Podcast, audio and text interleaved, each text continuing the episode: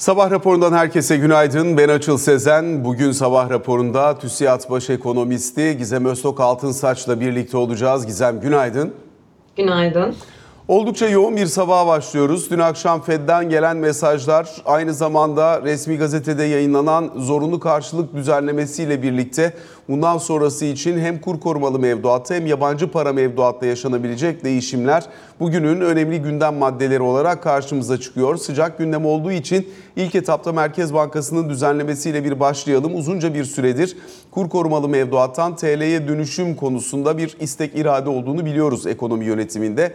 Dolayısıyla bu çerçevede çeşitli adımlar gelmeye devam ediyor.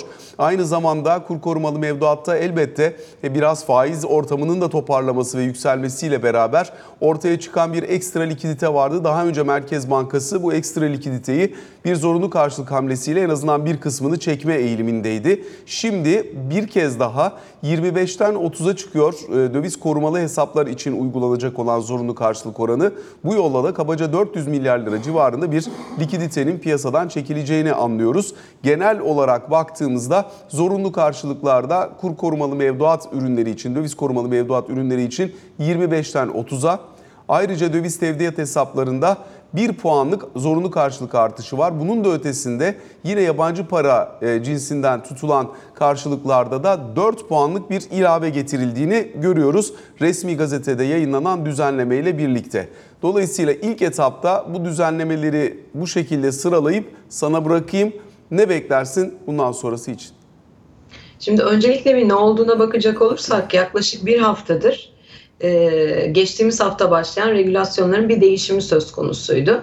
Menkul kıymet tesisi ortadan kalkmış ve açıl biliyorsun onun yerine komisyonlar gelmişti. Komisyon cetveli gelmişti geçtiğimiz e, pazartesi gecesi e, uygulama talimatıyla. Dolayısıyla e, MKT yerini birazcık böyle komisyonlara bırakmış e, gözüküyordu. Orada da ana fikir kur korumalı mevduatını dönüştür. KDM'ni yani kur dönüşümlü olanı döviz bacağını roll et, döndür diyordu ve TL payını da daha fazlaya çıkar. Yani ana fikir buydu e, ortaya çıkan. E, iki haftadır aslında piyasada likiditenin arttığını ve mevduat faizinin aşağı kaydığını görüyorduk.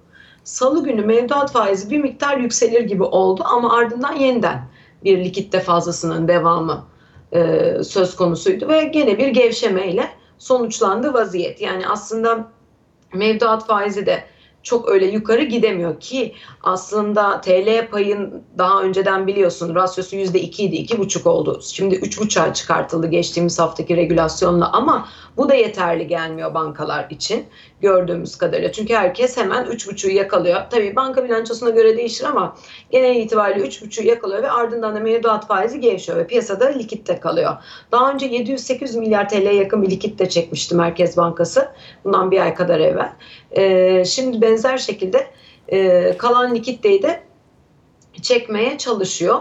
Doğru bir adım olduğunu düşünüyorum. Ama mevduat faizini dediğim gibi bu KKM dönüşleri geldiğinde e, gene bir likitte fazlası ortaya çıkacağı için mevduat faizini tam anlamıyla yukarı çekemiyor.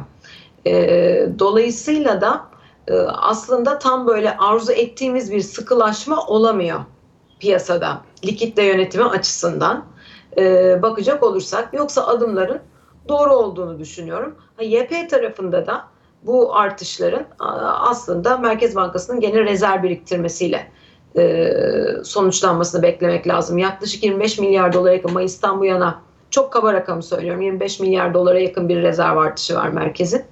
E, bunun 2 bölü 3'ü neredeyse swaplardan geliyor. Geriye kalan 1 bölü 3'ü de YP munzam artışından geliyordu. Buraya eklenen bir süreçte olacak. E, doğru yönde adımlar, kademeli adımlar ama e, devamının gelmesi gerekecek sanırım. Kademe kademe gidiyor, sonuç alıyor muyum diye. E, yeterli sonuç, yine arzu edilen sonuç alınır mı emin değilim. Biraz daha fazla sıkılaştırmaya ihtiyaç olacaktır ama şu likitte bir çekilsin ondan sonra tam yorum yapabiliriz. Bir taraftan da özellikle tabii kur korumalı mevduatın cazibesi azaltılırken buradan gelen kaynağın ufak ufak e, döviz tevdiat hesaplarına doğru kaymasının e, biraz engellenmesi, biraz da aynı zamanda senin söylediğin gibi eğer buraya bir kayış olacaksa bunun ekstra e, etkisinin de rezerv yönetimi açısından kendi elini kolaylaştırması gibi bir çaba söz konusu. Buradan sonra kademe kademe fazlası gelecek derken oransal değişikliklerden mi yoksa yine regülatif farklı unsurlardan mı beklentin? Ben 3.5'ü mesela daha yükseltilmesini olası buluyorum açıkçası. Ee, şimdi şöyle bir durum var. 3 tane bacak var. Bunlardan bir tanesi diyor ki TL mevduatını arttır. Bunun için TL mevduat faizinin 40'ın altına kaymayıp daha yukarıya doğru gidiyor olması lazım. Ama likitte kaldığı için mevduat faizi sürekli 40'ın altına kayıyor. Böyle azıcık 2 puan yükseliyor ondan sonra gene aşağı kayıyor. Ya yani 2-3 puan her neyse.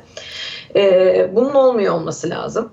İkincisi KKM'ni çevir diyor. Yani TL bacaklı olan kısmı e, TL mevduata döndür diyor. Burada şunu ekleyebilirim. Bu zaten TL müşterisi. Öyle çok hızlı dövize kaçmıyor. İyi bir faiz verildiği takdirde devam ediyor e, TL mevduatta tutmaya. KKM değil TL mevduatta tutmaya devam ediyor. Zaten o TL mevduat özendiriliyor. Ama bir de KDM var. Yani döviz bacaklı olan kısım var. Buna da diyor ki devam ettir. Yani bunu çözdürme diyor aslında merkez. Ee, bunun da sebebi bunu e, biliyorsun burada e, KDM'de, KKM değil KDM'de çok yüksek faiz veriliyor. TL mevduata geçmeleri için ve buna rağmen müşteri geçmiyor. O yüzden bu esas döviz müşterisi.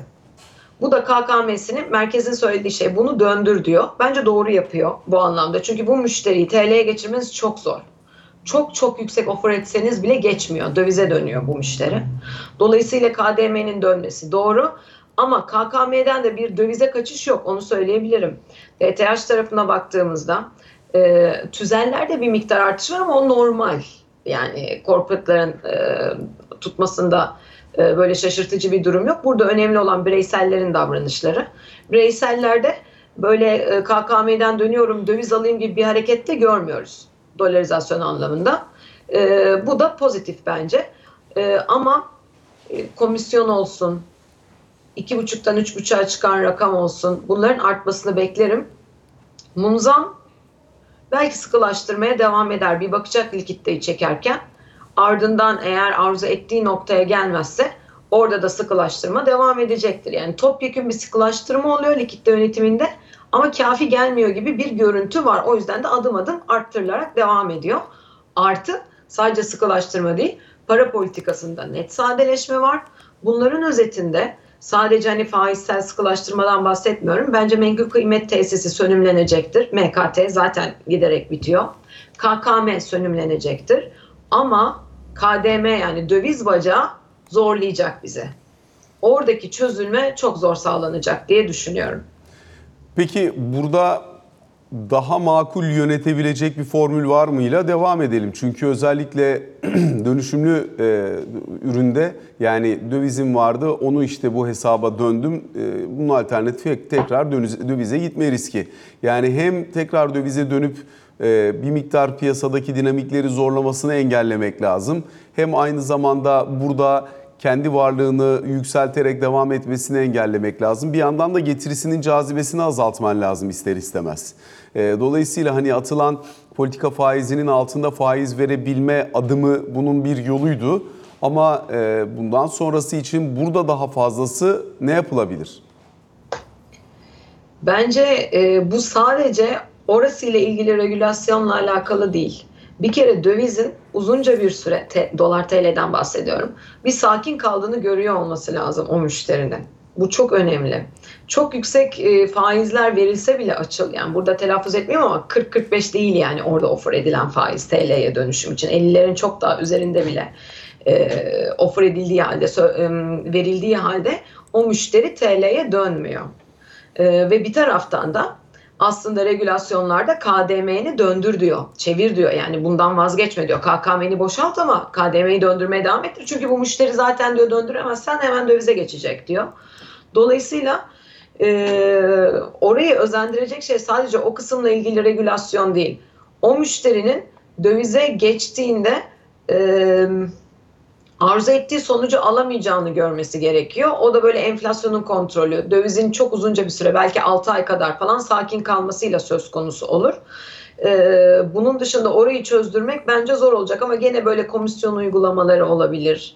Ee, rasyolarda TL payını arttırmak da aslında bankaları e, bu tarafa zorlayacak ama dediğim gibi ilk başta şu KKM'nin bir çözülmesi lazım. Ardından oraya bakmak gerekiyor. Öyle olacağını düşünüyorum regülasyon safhalarının da.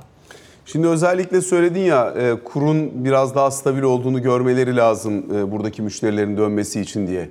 E, özellikle biz Eylül ayı itibariyle baktığımız zaman hemen hemen Türk lirasında enflasyon kadar bir değer kaybı. Ekim ayı içinde kabaca zannediyorum yine benzer bir şekilde olması söz konusu olabilir. İşte %4'ler civarında bir enflasyon beklentisi var. Ona yakında bir Ekim ayı Türk lirasında değer kaybı gözlemledik. Yani enflasyon kadar değer kaybıyla daha önceki dönemlerdeki kadar tek bir e, hattı müdafaa etmeye çalışan ve doğrudan bütün rezervi burada yakmaya çalışan bir eğilimden ziyade biraz daha kur korumalı mevduat ve döviz dönüşümlü mevduatlar üzerinden gelebilecek baskıyı kendi içerisinde bazen bankacılık sektörünün kendi pozisyonuyla bazen regülatif düzenlemelerle yeri geldiğinde eğer talep çok yükse kendi kaynağını da kullanmak suretiyle Merkez Bankası'nı yönetmeye çalıştığını görüyoruz. Dolayısıyla aslında hemen hemen iki aydır kurun şekli şemali biraz daha enflasyonla örtüşür şekilde gitmeye sürdürüyor. Bu yeterli mi sence oradaki algıyı berkitebilmek için? Tam yeterli değil. Yani e, şimdi KKM'lerde müdahale ederim diyor ve ediyor zaten. E, dövizi belli bir noktada tutmak için. Yani tam müdahalesiz bir piyasada değiliz. Bunu zaten kabul etmek gerekiyor. E, ama karşı taraf için örneğin seviye konuşalım. 28-29'lardan böyle 35'lere doğru e, giden bir kurs söz konusuysa bu ikna edici değil. E, onu söyleyebilirim. Bir de açıl. Şimdi şu hesabı doğru yapmamız gerekiyor. Şimdiye kadar evet enflasyon yükseliyordu ve yanlış politikalar vardı. Ve TL 2018'den bu yana konuşalım. Ara ara %30-40 değer kaybına maruz kalıyordu değil mi? Overshoot ediyordu böyle döngüsel olarak yani çok uzunca bir zamana yayılmış.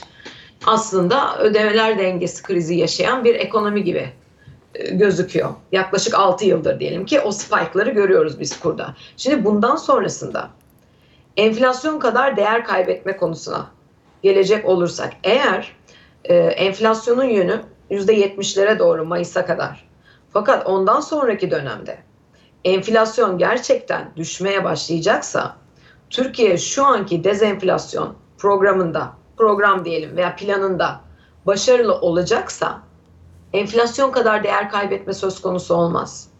Yani enflasyon güneye döndüğünde Türkiye'nin döviz çekerek TL'yi daha stabilize etmesi beklenmeli. Yani reel anlamda TL'nin değer kazanması beklenmeli. Bakın karıştırılmasın nominal değil. Reel anlamda TL'nin değer kazanması beklenmeli. Böyle bir durumda e, diye düşünüyorum. Flow çektiğimiz için. E, o yüzden de önümüzdeki yılı ikiye ayırmak gerekiyor. Ha bu süreç ne kadar ikna edici olur?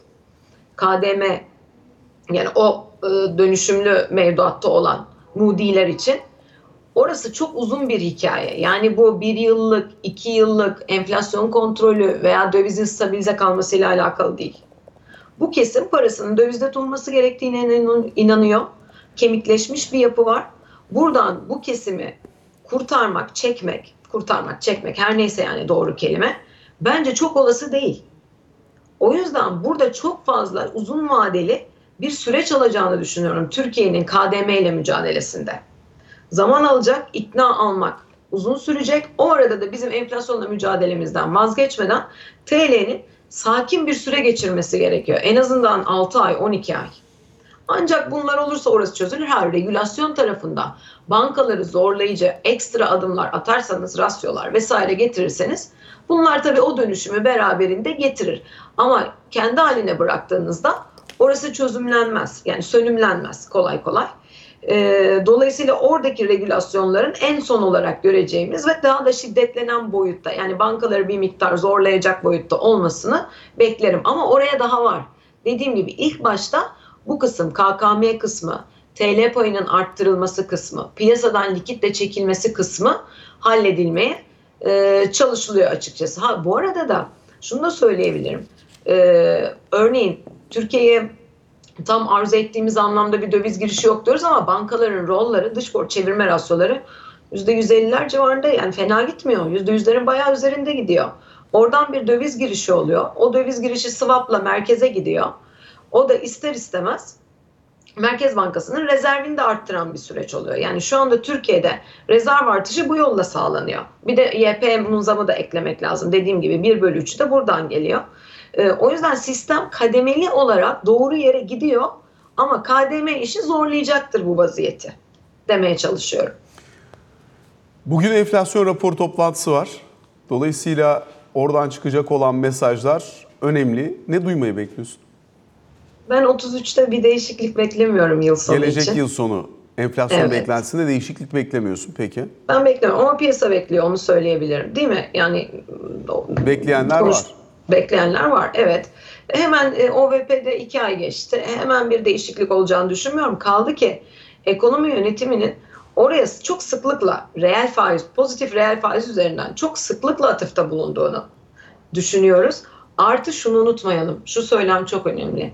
Asgari ücret zammının e, beklenen enflasyona göre yapılacağının altını çiziyor e, Sayın Bakan ve bunun enflasyonla mücadelede doğru olduğunu söylüyor. Şimdi orayı arttırdığınızda yeniden daha da yüklü bir zamla e, karşımıza gelmeniz gerekiyor. Bu gene enflasyonu kendi kendine besleyen bir süreç olacak.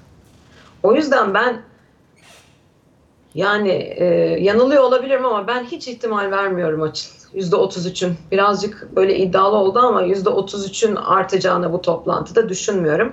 Merkez Bankası Başkanımızın açıklamaları da e, enflasyon düşüş trendine girene kadar sıkılaşmanın devam edeceği yönünde e, olacaktır diye düşünüyorum. Yani sıkılaşmanın devamı net şekilde zaten paylaşılıyor. Bence bu net şekilde de paylaşılacaktır. Ha, alt detaylarda e,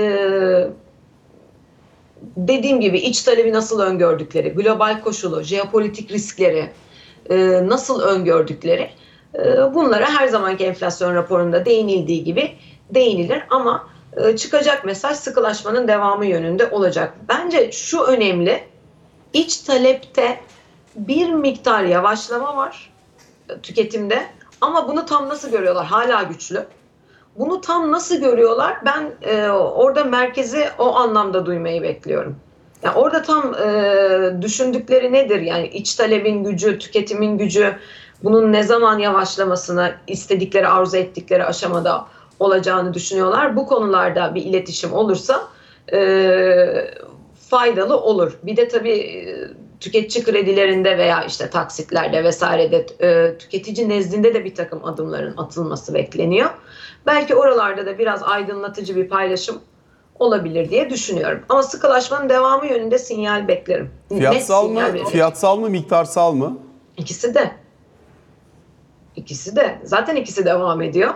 Zaten e, niteliksel kısım yani fiyatsal kısım şu anda yeterli değil. Devam ediyor ve devam edecek gibi gözüküyor. O hisse de fiyatlanıyor bu arada. Yani yıl sonu için ya 12 aylıklarda 41'ler 42'ler civarındayız ama yani e, yıl sonu için pek çok kişi tahminlerini 40'a çekmiş durumda e, politika faizinde. E, fiyatsal olarak sıkılaştırmanın devamı e, zaten bence söz konusu. Bitmedi orada. Miktarsal sıkılaştırma da devam edecektir. Bence. Çünkü yetmiyor yani. Zaten bu ikisi birlikte gidiyor.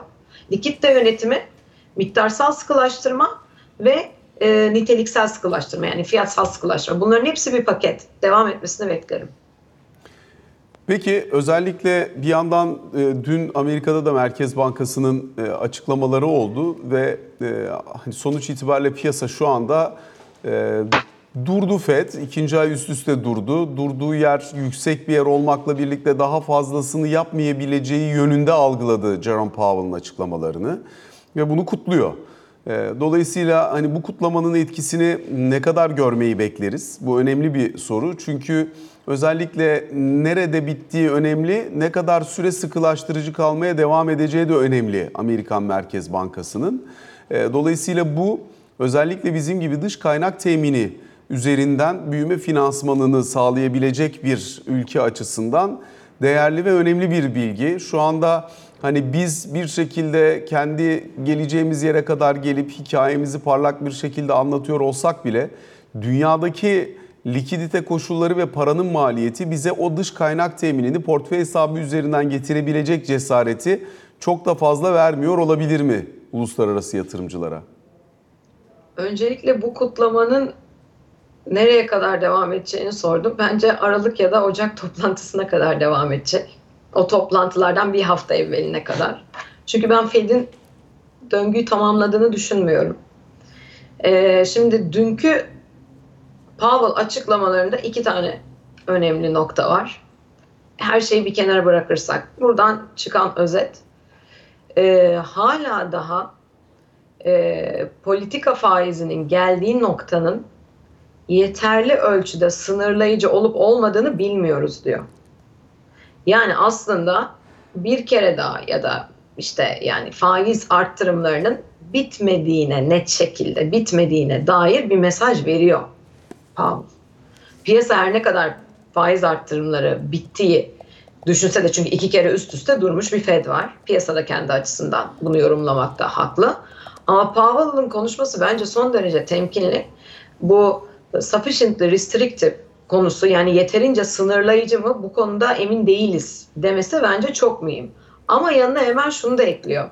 Finansal koşullardaki sıkılaşma faiz arttırımımı ikame eder nitelikte kalırsa dururum diyor.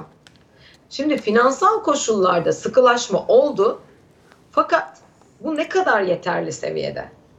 Yani onları yüzde iki hedefine götürmek için ne kadar yeterli seviyede? Bence yeterli seviyede değil. Dolayısıyla ilerleyen vadede bu Aralık mı olur, Ocak mı olur ya da e, dediğim gibi tam e, yani ilk bundan sonraki üç toplantıda göreceğimizi düşünüyorum ama ben bir tur daha Fed'in faiz arttırmasını bekliyorum. E, henüz daha tamamlandığını düşünmüyorum. İkinci söylediğin daha da önemli bir faiz indirim döngüsüne girer miyiz? Piyasa bunu fiyatlıyor. 1 puana yakın 2024'te faiz indirimi yani 4 adet, 3,5-4 adet faiz indirim kararı bekliyor piyasa. Ee, henüz Fed'den bu yönde bir sinyal gelmiş değil. Zaten hani o sıkı duruşunu koruyacağını ve masada böyle faiz indirim tablosu olmadığının altı çiziliyor. Ben hiç e, bir faiz indirimi de göreceğimizi düşünmüyorum 2024 yılında. Dolayısıyla toplamda piyasanın beklediğinden bence biraz daha agresif bir Fed görme ihtimalimiz var bundan sonraki 6 aylık vadede. Gene buradan hareketle de e, şimdi e, tabii hazineden gelen e, borçlanma programından dolayı da bir miktar böyle bir gevşeme gördük 10 yıllıklarda ama 4.70'lerdeyiz. E, ben hala da 10 yıllığın 5'in üzerine olan hareketini tamamladığını düşünmüyorum o sürecin de devam etmesini bekliyorum. E, ikinci konu parite etkisi. Paritede de böyle 1.05 1.06 bandına sıkışmış gibi gözüküyoruz. Ee, orada e, normalde dolar lehine bir görünüm olmasını ana yön olarak bekliyorum ama şunu izlememiz lazım. 1.06'nın üzeri çok mühim burada. Eğer 1.06'nın üzerine giderse böyle kısa vadeli olarak bir hızlı yukarı hareket eden dolar aleyhine bir görünüm olma ihtimali var. Bu kısa vadeli trade açısından düşüneceğim. Orta uzun vadede gene FED'e dair beklentimi paylaştığım için ana trendin dolar lehine olduğunu düşünüyorum. Şimdi senin diğer soruna gelince gelişmekte olan ülkeler, gelişmiş ülkeler, EM, DM farkı. Burada büyüme farkı gene gelişmiş ülkeler lehine. Faiz farkı gelişmiş ülkeler lehine. Dolayısıyla 2024 yılında gelişmekte olan ülkelerin döviz çekmesi zaten zor olacak. Türkiye'de bu ortamda ilerliyor. Fakat Türkiye'nin kendine has bir özelliği olacak böyle bir durumda. Doğru devam eden enflasyonla mücadele programı masada kalırsa ben Türkiye'nin döviz çekebileceğine ve önümüzdeki yıl bir döviz likiditesi problemi yaşamayacağını düşünüyorum. Hatta fiyatın bugünden daha ucuz olmasını da beklerim ki zaten banka rollarında 75 bas puanlık aşağıda borçlanıyoruz. Hemen hemen. Gizem son olarak Orada mısın? buradayım buradayım. Son olarak şunu sormak istiyorum sana. Bir taraftan e, uluslararası bu finansal koşullardaki değişiklikler, bir taraftan bizim kendi içimizdeki regülatif düzenlemeler, bir yandan da hakikaten iş dünyası açısından zorlayıcı bir ortamla karşı karşıyayız. Yani son birkaç haftadır sürekli iş dünyası temsilcileriyle bir arada e, hani farklı farklı şehirlerde farklı farklı insanları dinliyorum. Hemen hepsinde aynı yakınmadan e, muzdarip olduklarını, aynı sorundan muzdarip olduklarını duyuyor ve yakınmalarını dinliyoruz. Finansmana erişim problemi.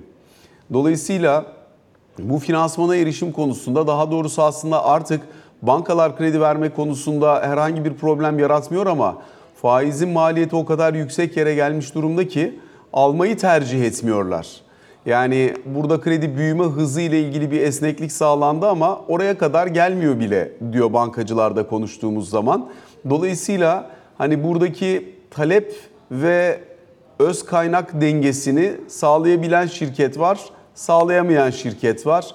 Ne bekliyorsun burada?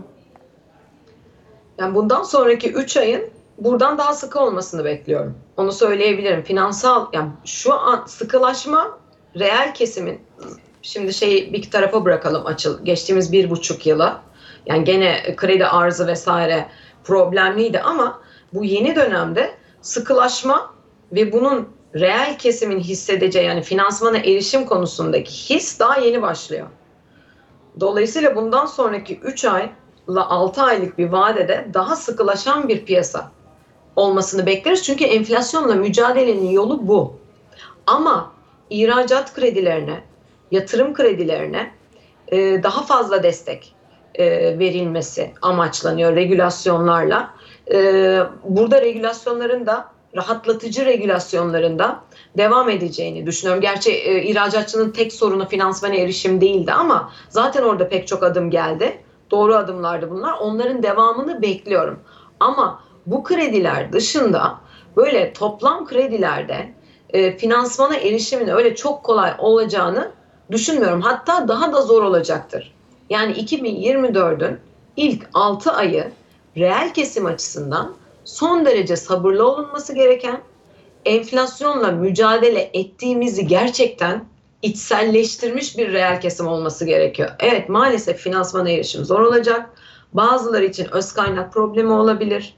Ee, COBİ'ler için daha zorlu bir süreç olabilir. Fakat sabırlı olmak gerekiyor ve bu enflasyon programında kalmak gerekiyor. Yani düşüş ve bu var olan sürecin, planlanan sürecin devam etmesi gerekiyor. Eğer bundan vazgeçersek Türkiye çok daha şiddetli bir enflasyon problemiyle karşı karşıya kalacaktır.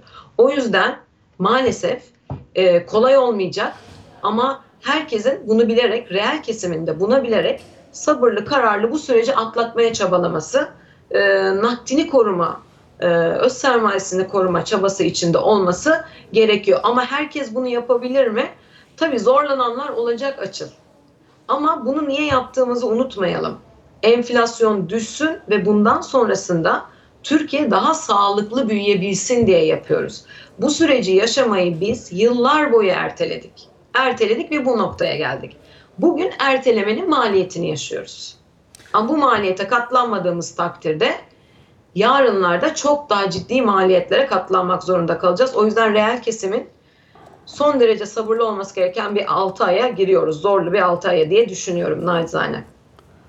Gizem çok teşekkür ediyoruz. Bu sabah bizlerle birlikte olduğun ve sorularımızı yanıtladığın için kısa bir araya gideceğiz şimdi. Sonrasında Ali Can Türkoğlu ile ikinci bölümde karşınızdayız.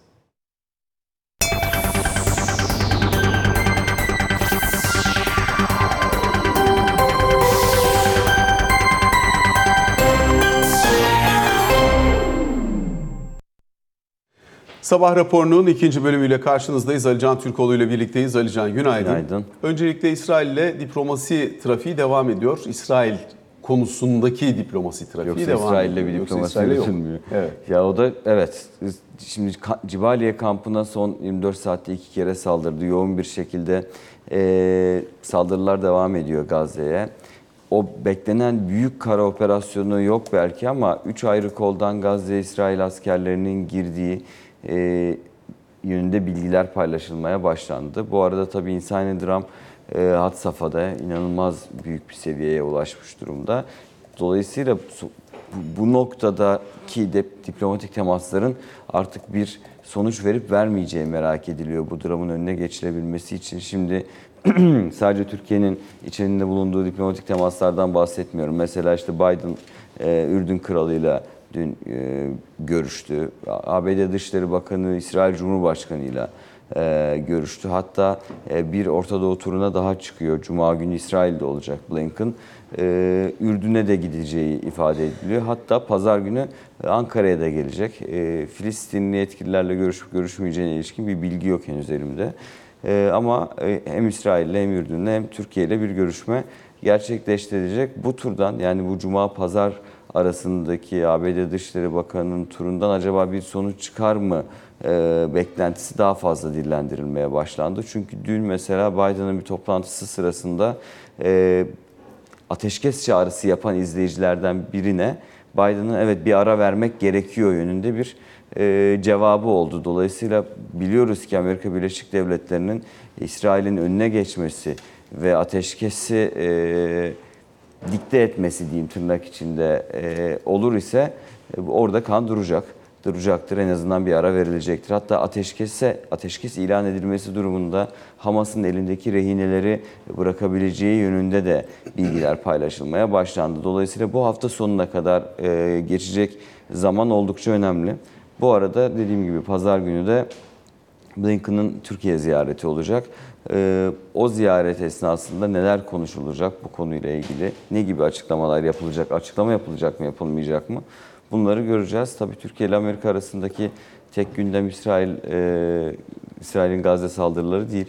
Burada F-16 konusu da ciddi gündem maddelerinden birisi. Özellikle e, NATO, yani İsveç'in NATO başvurusunu Cumhurbaşkanı Erdoğan imzalayıp meclise sevk etmesi e, o sürecin hızlanacağı yönünde beklentiler doğurdu. Tabii meclisten ne zaman geçecek, meclise ne zaman görüşülecek bunlar henüz belli değil. E, ama Ya da bunun da mi? ya da geçecek mi? Tabii teorik olarak ama e, hani beklenti bunun mecliste çok da fazla e, durmayacağı yönünde. Özellikle Numan Kurtulmuş'un yaptığı açıklamaları hatırlarsak bundan yaklaşık 2-3 hafta önce e, Prag'daydı o zaman. Prag dönüşünde hemen komisyona sevk edeceğim ve komisyondan da hızlı bir şekilde geçeceğini düşünüyorum yönünde açıklamalar yapmıştı. Ama yine de bu noktada Türkiye ile İsveç arasındaki temasların e, ne durumda olduğu, bir takım beklentilerinin, e, Türkiye'nin bir takım beklentilerinin İsveç tarafından karşılanıp karşılanmadığı sorularının da cevap bulması lazım. Ama İsrail konusunun tabii ki arkasında kalmış durumda. Sadece pazar günkü görüşmeler sırasında gündeme gelme ihtimalinin olabileceğini düşünüyorum. Bir de dün İran Dışişleri Bakanı mesela e, Türkiye'deydi. Hem Hakan Fidan'la hem Erdoğan'la görüşmeleri gerçekleşti. Bu burada özellikle Türkiye'nin masaya getirmiş olduğu garantörlük teklifine İran'ın da destek verdiğini görüyoruz. İki tarafın da kendi kendilerine anlaşmaya varmalarının zor olduğu düşüncesiyle e, devletler devreye girmeli ve bir anlaşma imzalanmalı ve garantörlük sistemi uygulanmalı yönündeki formül. E, hatta yakında da İran Cumhurbaşkanı'nın da Türkiye'ye geleceği açıklandı. Dolayısıyla bu konudaki bu diplomatik temaslar ve görüşmeler yakın zamanda da artarak sürecek gibi. Son bir dakika hafta sonu CHP kurultayı var. Evet orada özür diliyorum. Şimdi çok yoğun bir şekilde delegelere markaj uygulamaya başladı. Hem genel merkez tarafı hem değişimciler tarafı. Ee, nereden biliyoruz? İşte dün mesela CHP'nin 130 milletvekilinden 95'i Kemal Kılıçdaroğlu'na desteklerini açıkladılar. Bir yandan da ama İstanbul e, İl Başkanı ki İstanbul yönetimi yeni değişti. Konuşmuştuk da. Ee, Buradaki buradaki 196 e, delegeden de 185 tanesinin Özgür Özel'e destek verdiği yönünde dün bilgiler paylaşılmaya başlandı CHP kulislerinde.